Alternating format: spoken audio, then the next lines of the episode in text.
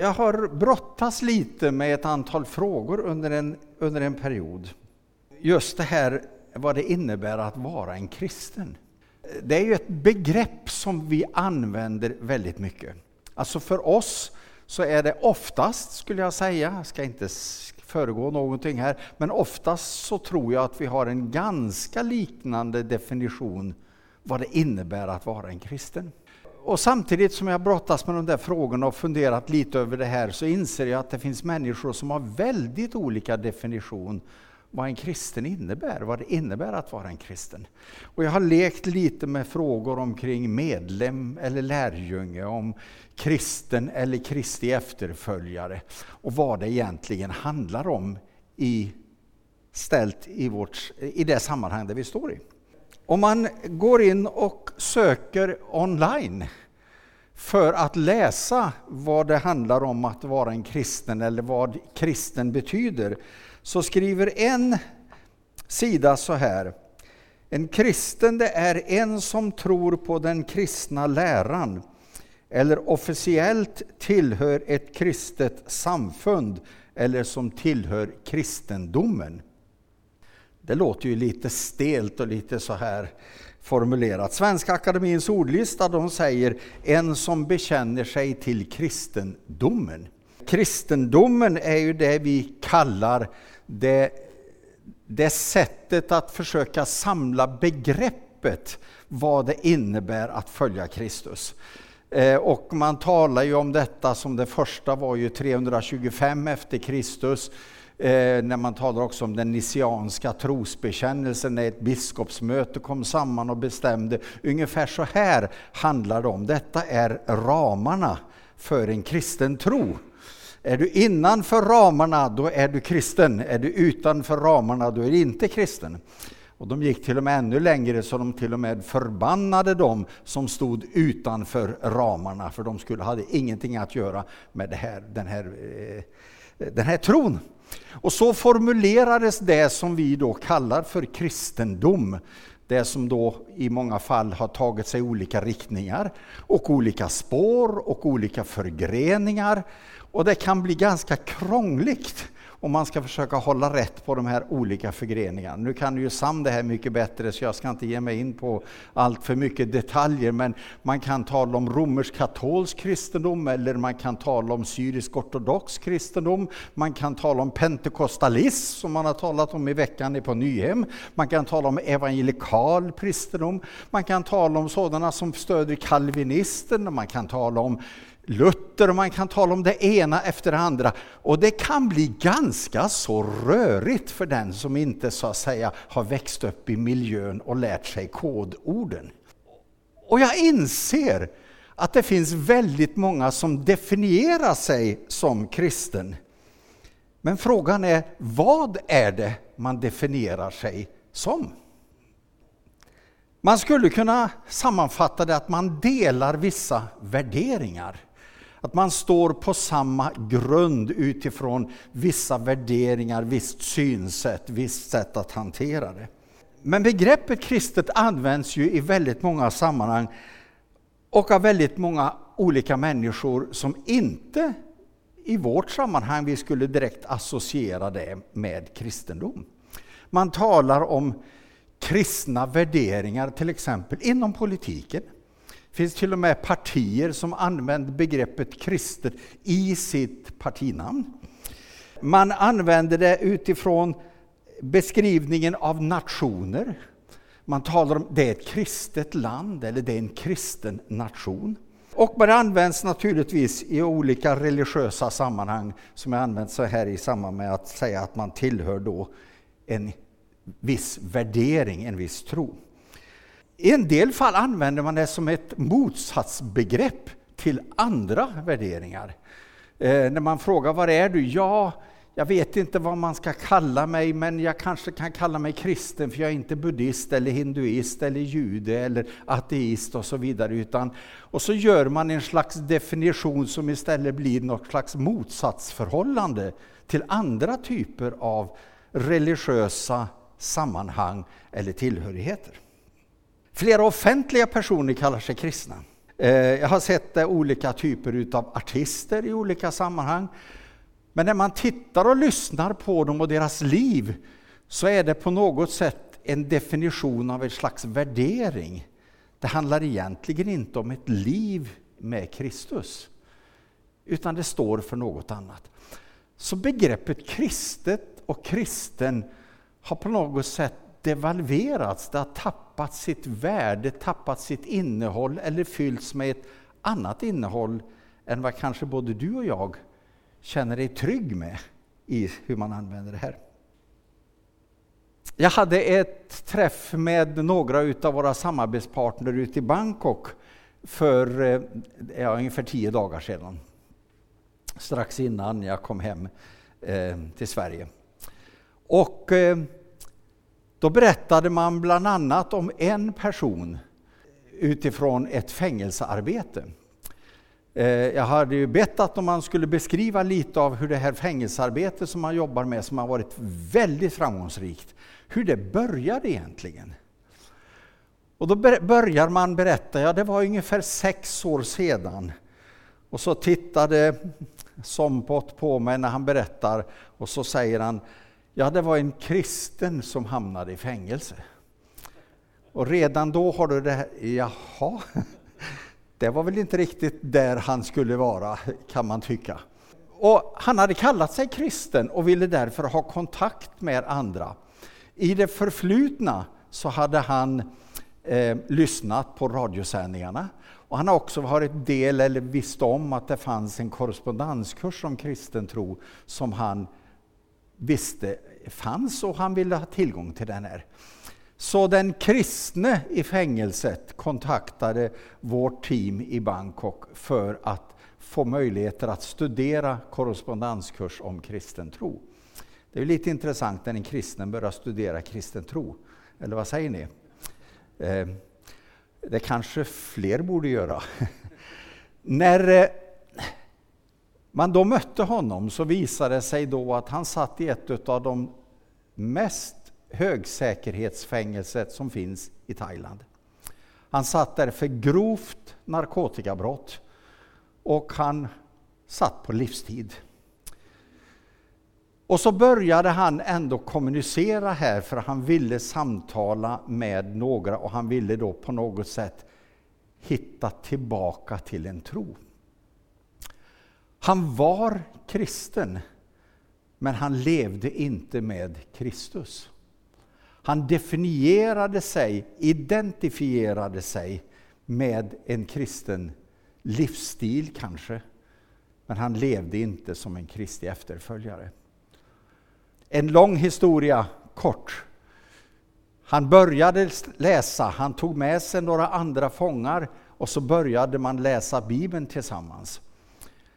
Och ett, efter ungefär ett år så hade man möjlighet från vårt arbete att för första gången få besöka honom. Det var väldigt, väldigt svårt att få komma in och besöka just på grund av att det var ett högsäkerhetsfängelse.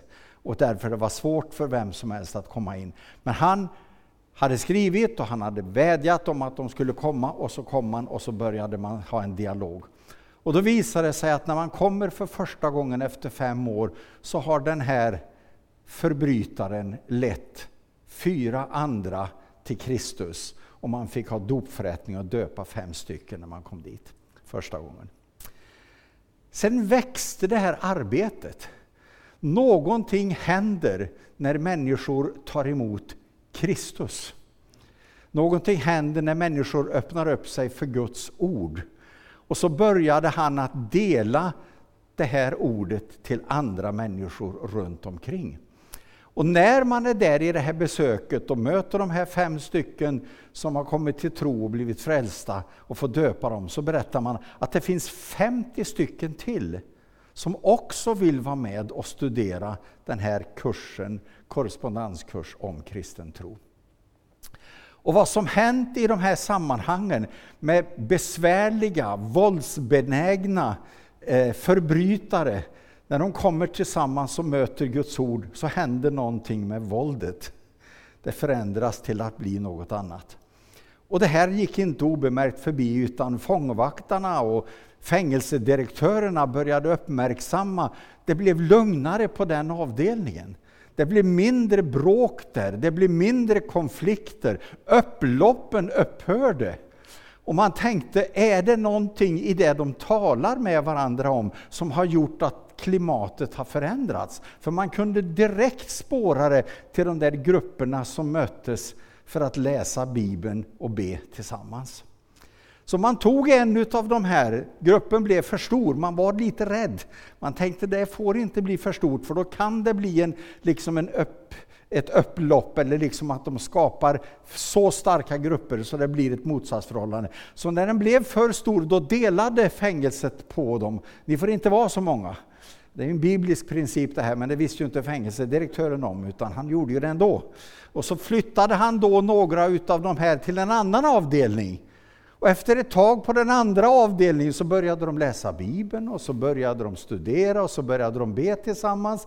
Och så blev det människor frälsta där och så började det bli lugnt även på den avdelningen. Och när de började se sambandet så tog man ytterligare folk och flyttade till en annan avdelning i det här. Och på avdelning efter avdelning planterades så små bibelupptäckargrupper, små församlingar som spred evangeliet. Och så blev det ett annat klimat i hela högsäkerhetsfängelset.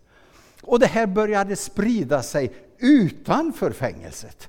Därför när man började höra om det här så var det ju då en som sa, ja men den här personen han kommer ju från den där staden. Vi flyttar honom till ett annat fängelse. Och så gjorde man det. Flyttade honom till ett fängelse som var närmare där hans släkt och familj kom ifrån. Och snart hade det blivit människor frälsta på det nya fängelset. Och så växer arbetet och våra team berättade att under de senaste fem åren så åker de in varje månad. Under två till tre dagar möts de i de här fängelserna. De har med sig antingen stora eh, tunnor, plasttunnor, eller sådana här, ni vet, badbassänger som små barn har plast, eh, smidigt att plocka med i bilen och så blåsa upp. Och så har man dopförrättningar i de här inne i fängelset. Nu har fängelset faktiskt börjat se till att det finns möjligheter att döpas in i fängelset så de ska slippa släpa med sig alla de här grejerna in varje gång de kommer. Och idag finns det här arbetet på 65 fängelser runt om i Thailand.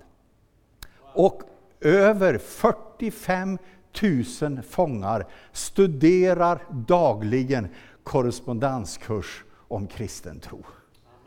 Visst är det fantastiskt? Och det började med en som var kristen men han var inte frälst. Tänk att även de kristna kan få bli frälsta. Att om du har en identifiering med en kanske ganska annorlunda syn på dig själv, kanske annorlunda syn på vad det innebär. Det handlar om att du kan få möta Jesus. Det handlar om en relation. Eh, uttrycket kristet som vi använder så ofantligt mycket finns bara tre gånger omnämnt i Bibeln. Tre gånger i hela Bibeln står begreppet kristet.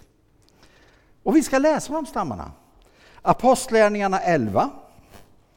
Och så läser vi från vers 25 och 26. Och där talas det om väckelsen i Antiochia. Och Paulus beskriver de här bitarna för vad som händer i Antiochia. Där. Eh, och eh, Apostlagärningarna 11 från vers 25. Barnabas fortsatte sedan till Tarsos för att söka upp Saul och när han hade funnit honom tog han honom med sig till Antiochia. Där kom de sedan att vara tillsammans i församlingen ett helt år och kunde undervisa en avsevärd mängd och det var i Antiochia som lärjungarna först, första gången fick heta kristna. Och när man studerar just det uttrycket kristna så ska grundtextuttrycket här ungefär betyda små-Jesusar. Alltså små efterliknelser till Jesus, de som försökte vara som Jesus. Han är en kristen. Och i det här sammanhanget var det ju faktiskt människor utifrån som gav den här benämningen om, om de här människorna. Och det var lite av ett skällsord. ungefär som det var för 50-60 år sedan man säger att man var pingstvän. Det var ju bland det värsta man kunde säga. Det var ju ett direkt skällsord. Det var ju liksom att måla på ett epitet på en människa som man kanske inte alltid känner sig bekväm med. Och det var ungefär samma sak här. Så första gången fick de heta kristna, det var i Antiochia. Andra gången, då går vi tillbaka, eller går vi längre fram i Apostlagärningarna till det 26 kapitlet. Och där är Paulus i ett samtal med kung Festus. Eh, nej, förlåt, eh, eh med, eh, ja, med, med kung Festus. Och han samtalar då med honom i, eh, nu ska vi se här, 26 kapitlet, vers 25.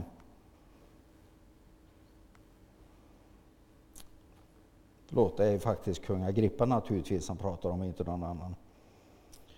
Han kallar tydligen honom samma sak.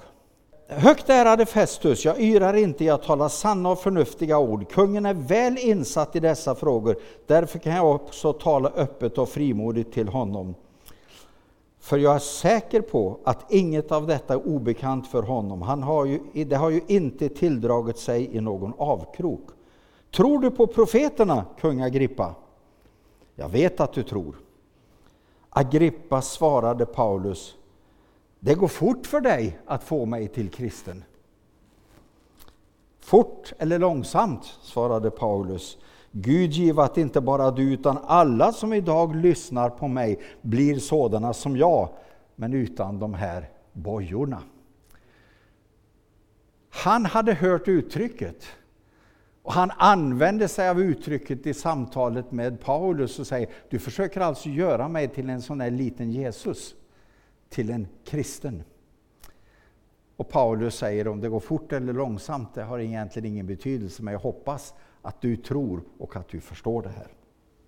Och det tredje uttrycket, det finns i första Petrus brev, det fjärde kapitlet, där det talas om förföljelse.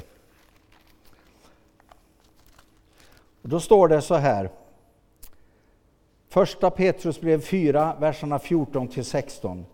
Saliga är ni om ni skymfas för Kristi namns skull, ty härlighetens ande, Guds ande, vilar över er.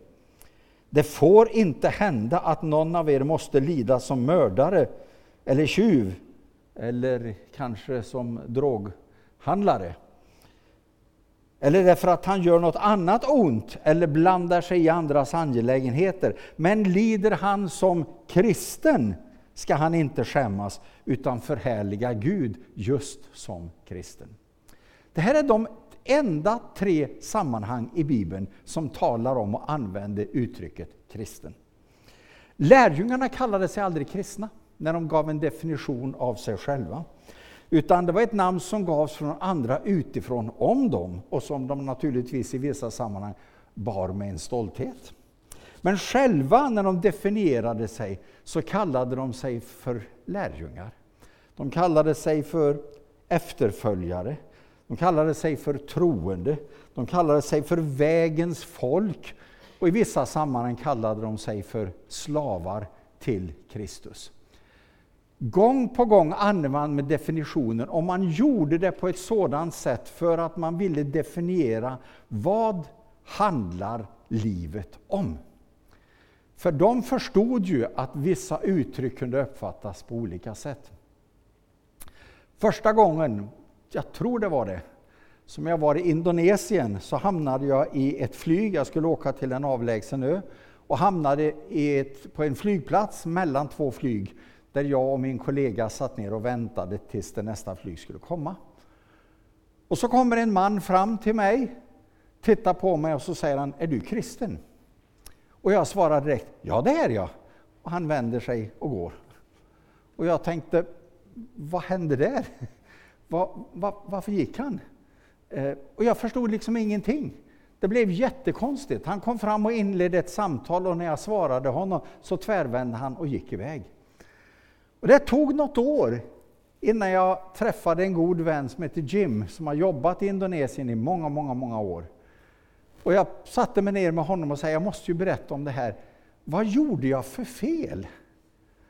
Och då sa han, vad frågade han dig? Ja, men han frågade om jag var kristen och det sa jag ju självklart, ja det är jag.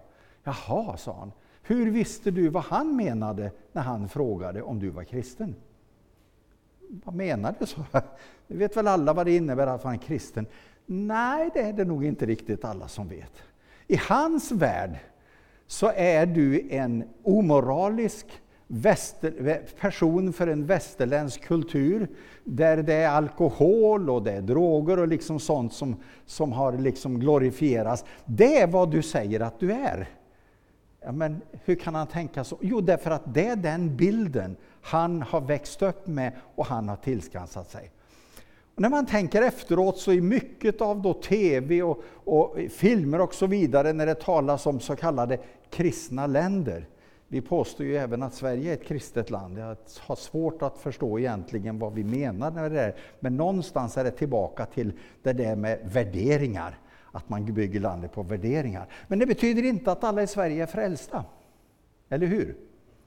Och likadant för många inom filmvärlden så tänker man på USA, ett kristet land, en kristen nation. Men det betyder inte att alla i USA är Jesu efterföljare.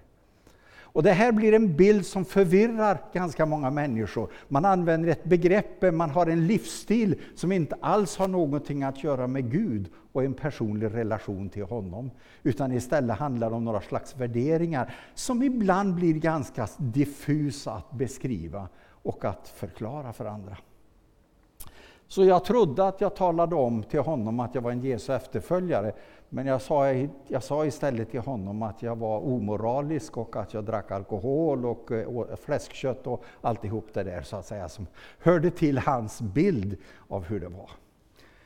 Ord kan betyda så mycket. Och ord kan tolkas på så många olika sätt. Och begreppet kristet kan därför bli ett ord som fylls med helt annat innehåll än vad både du och jag avser. Men det kan tolkas på andra sätt. I en församling så kan man ibland uppfatta det som att vara en kristen, det är att man är med i ett sammanhang och i en kyrka. Men det är faktiskt så att det är inte medlemskortet som öppnar dörren till himlen för dig. Du kan ha ett medlemskort i din plånbok eller i din ficka.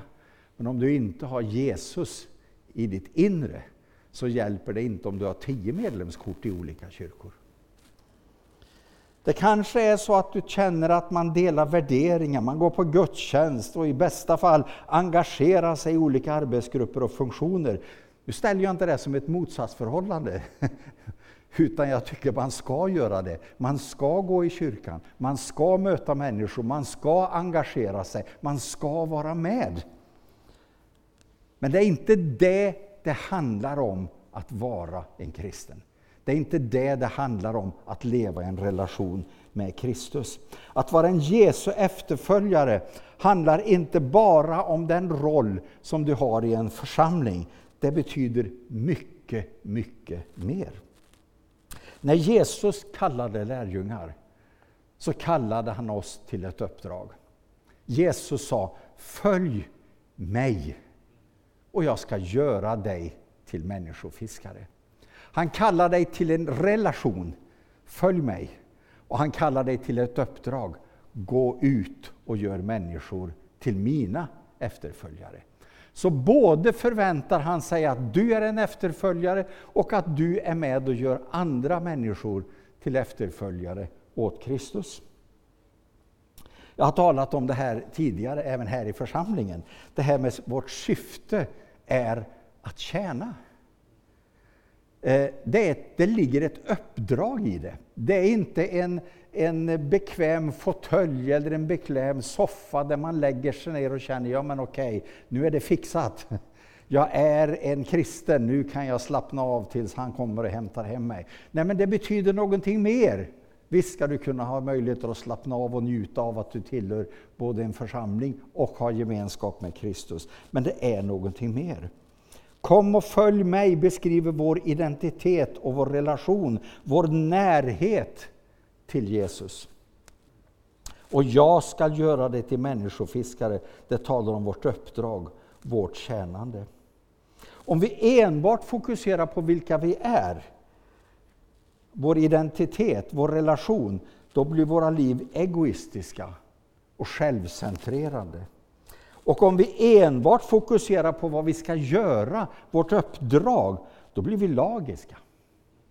Men i det andliga livet är ändå identiteten, vem du är, en förutsättning för uppdraget som du är kallad till.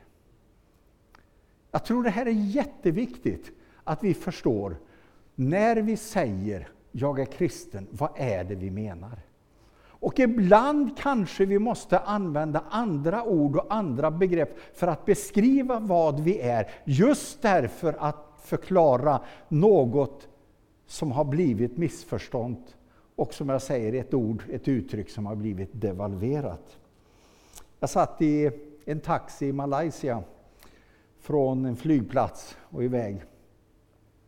Och eh, fick då igen den frågan som jag har fått några gånger sedan jag flyttat ut i Asien. Är du kristen? Och då tänkte jag tillbaka på samtalet med Jim och så tänkte jag nu ska jag inte svara som jag gjorde på flygplatsen. Utan istället så sa jag, jag kallar mig, eller jag försöker att vara en Jesu lärjunge. Han som ni kallar profeten Isa Almasi. Och han är på att köra diket. Så det var lite farligt att föra den typen av samtal. Han hade aldrig hört någon i en västerländsk kulturell miljö som han då menar att jag kom ifrån och representerade. Han hade aldrig hört någon uttrycka sig på det sättet av en tro och en relation till Kristus. Och för mig blev det ett vittnesbörd hur starkt namnet Jesus är. Att vara en Jesu efterföljare, det skakade om honom. Det fick honom att tänka till. Och de känner, i en muslimsk kontext så känner man till Jesus. Man kallar honom profeten Isa. Eh, och de har en identifiering vem han är, kanske inte riktigt stämmer som vi skulle tycka och tänka, men de har en bild av det här och de har en respekt för, för profeten som de säger. Och så helt plötsligt får hör man någon som uttrycker ett inre längtan av att leva som den som de värdar eller eh, eh, eh, vördar som en profet. Vår relation till Jesus är en förutsättning för att vi ska fungera. Om vi är i honom kan vi göra allt. Om vi inte är i honom kan vi inte göra någonting. Eh, i Johannes 15 så talas, talar Jesus i sitt avskedstal om betydelsen av att befinna sig i en relation med honom. Och han använder begreppet som sig själv som vinträdet eller vinstocken. Där vi är grenarna, där vi är kvistarna som har vår näring och vår relation och vår koppling till det. Och I Johannes 15 från vers 11 så säger Jesus detta har jag sagt för att min glädje ska vara i er och er glädje bli fullkomlig. Mitt bud är detta att ni ska älska varandra så som jag har älskat er. Ingen har större kärlek än den som ger sitt liv för sina vänner. Ni är mina vänner om ni gör vad jag befaller er. Jag kallar er inte längre tjänare, ty en tjänare vet inte vad hans herre gör. Jag kallar er vänner, därför att jag har låtit er veta allt vad jag har hört av min fader. Ni har inte utvalt mig, utan jag har utvalt er och bestämt er till att gå ut i världen och bära frukt, frukt som består. Och då skall Fadern ge er vad ni än ber honom om i mitt namn. Detta befaller jag er, att ni ska älska varandra. Jesus sammankopplar relationen till uppdraget väldigt tydligt i det här bibelsammanhanget. Om ni är i mig, ni är mina vänner, om ni gör det jag säger och så vidare. Han hela tiden är ni i mig, förblir i mig och lever i mig, då kan ni fungera i ert uppdrag. Och så säger han, älska varandra och gå ut och bär frukt. Och det blir samma budskap. Vad är frukt? Det skulle man kunna ha en annan predikan om, tala om. En del talar om frukter och gåvor, andliga gåvor och tjänar och så vidare. Nej, det är gåvor, det är inte frukt. Utan när Bibeln talar om frukt, då talar den om egenskaper, om karaktär. Andens frukt är kärlek, glädje, frid, tålamod, bildligt, godhet, trofasthet, återhållsamhet. Fick jag med alltihop? Kanske missade en. Alltså det talar om karaktärsdrag, hur du är som människa. Och läser du i första Korinthierbrevet 13 och läser om kärleken och kärlekens frukt, så är det nästan som ett kalkerpapper mot Galaterbrevet 5. Kärleken är tålig, mild, god, trofast och så vidare. Alltså samma egenskaper som finns i en älskande, kärleksfull människa, det är de karaktärsdragen som Bibeln talar om är Andens frukt i våra liv. Att bära frukt är att älska sina medmänniskor. Att visa kärlek i handling till människorna runt omkring oss. Gud älskar hela världen och alla människor.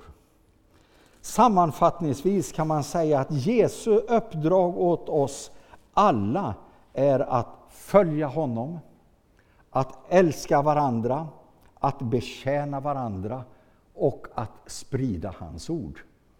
Fyra punkter som egentligen sammanfattar vad det handlar om att vara det vi kallar en kristen. Eller det vi kanske skulle säga vara en Jesu lärjunge, en Jesu efterföljare. Paulus säger, det är mitt uppdrag. Och jag är tvungen att göra detta. I första Korinthierbrevet 9 och 16 så säger han, till att jag sprider evangeliet, det är inget jag kan skryta över eller vara stolt över. Jag är ju tvungen till det. Ve mig om jag inte förkunnar evangeliet. Alltså, för hans del var det en så självklar efterföljelse och sammankoppling till hans relation till Kristus. Att vara kristen är mer än att tillhöra eller bekänna sig till kristendomen. Det handlar om ett liv i efterföljelse, i tjänande och kärlek till Kristus och till medmänniskor. Och Paulus säger i Första Korinthierbrevet 9 från 19. Även om jag är fri och inte tillhör någon har jag gjort mig till slav åt alla för att vinna så många som möjligt. För judarna har jag blev jag som en jude för att vinna judarna. För dem som var under lagen blev jag som en under lagen, fast jag själv inte är under lagen. För att vinna dem som står under lagen. För dem som inte har lagen blev jag som en som inte har lagen, även om jag inte är fri från Guds lag utan är under Kristi lag, för att vinna dem som inte har lagen. Till de svaga blev jag svag, för att vinna de svaga. Jag har blivit allt för alla människor, så att jag med alla möjliga medel kan rädda några. Jag gör detta för evangeliets skull, så att jag får del av dess välsignelser. Kallad till att tjäna och att betjäna andra. Herre, tack att du själv har gått före Tack att du har visat vägen. Och tack att du har sträckt ut din hand och sagt Kom, följ mig. Tack att du kallar oss till en relation och en närhet. Och att vi förstår, Herre, att leva i en relation till dig handlar inte bara om att dela vissa värderingar eller tycka på samma sätt i olika saker. Utan du har kallat oss till att vandra med dig att leva med dig och att agera med dig. Tack att du ser var och en av oss, hur vi ofta brister och kommer till korta i vårt sätt att leva ut vår tro. Men jag ber dig Herre, led oss närmare dig och led oss bort ut till människor som ännu inte har hört vem du är. Tack att du hör bön. Amen.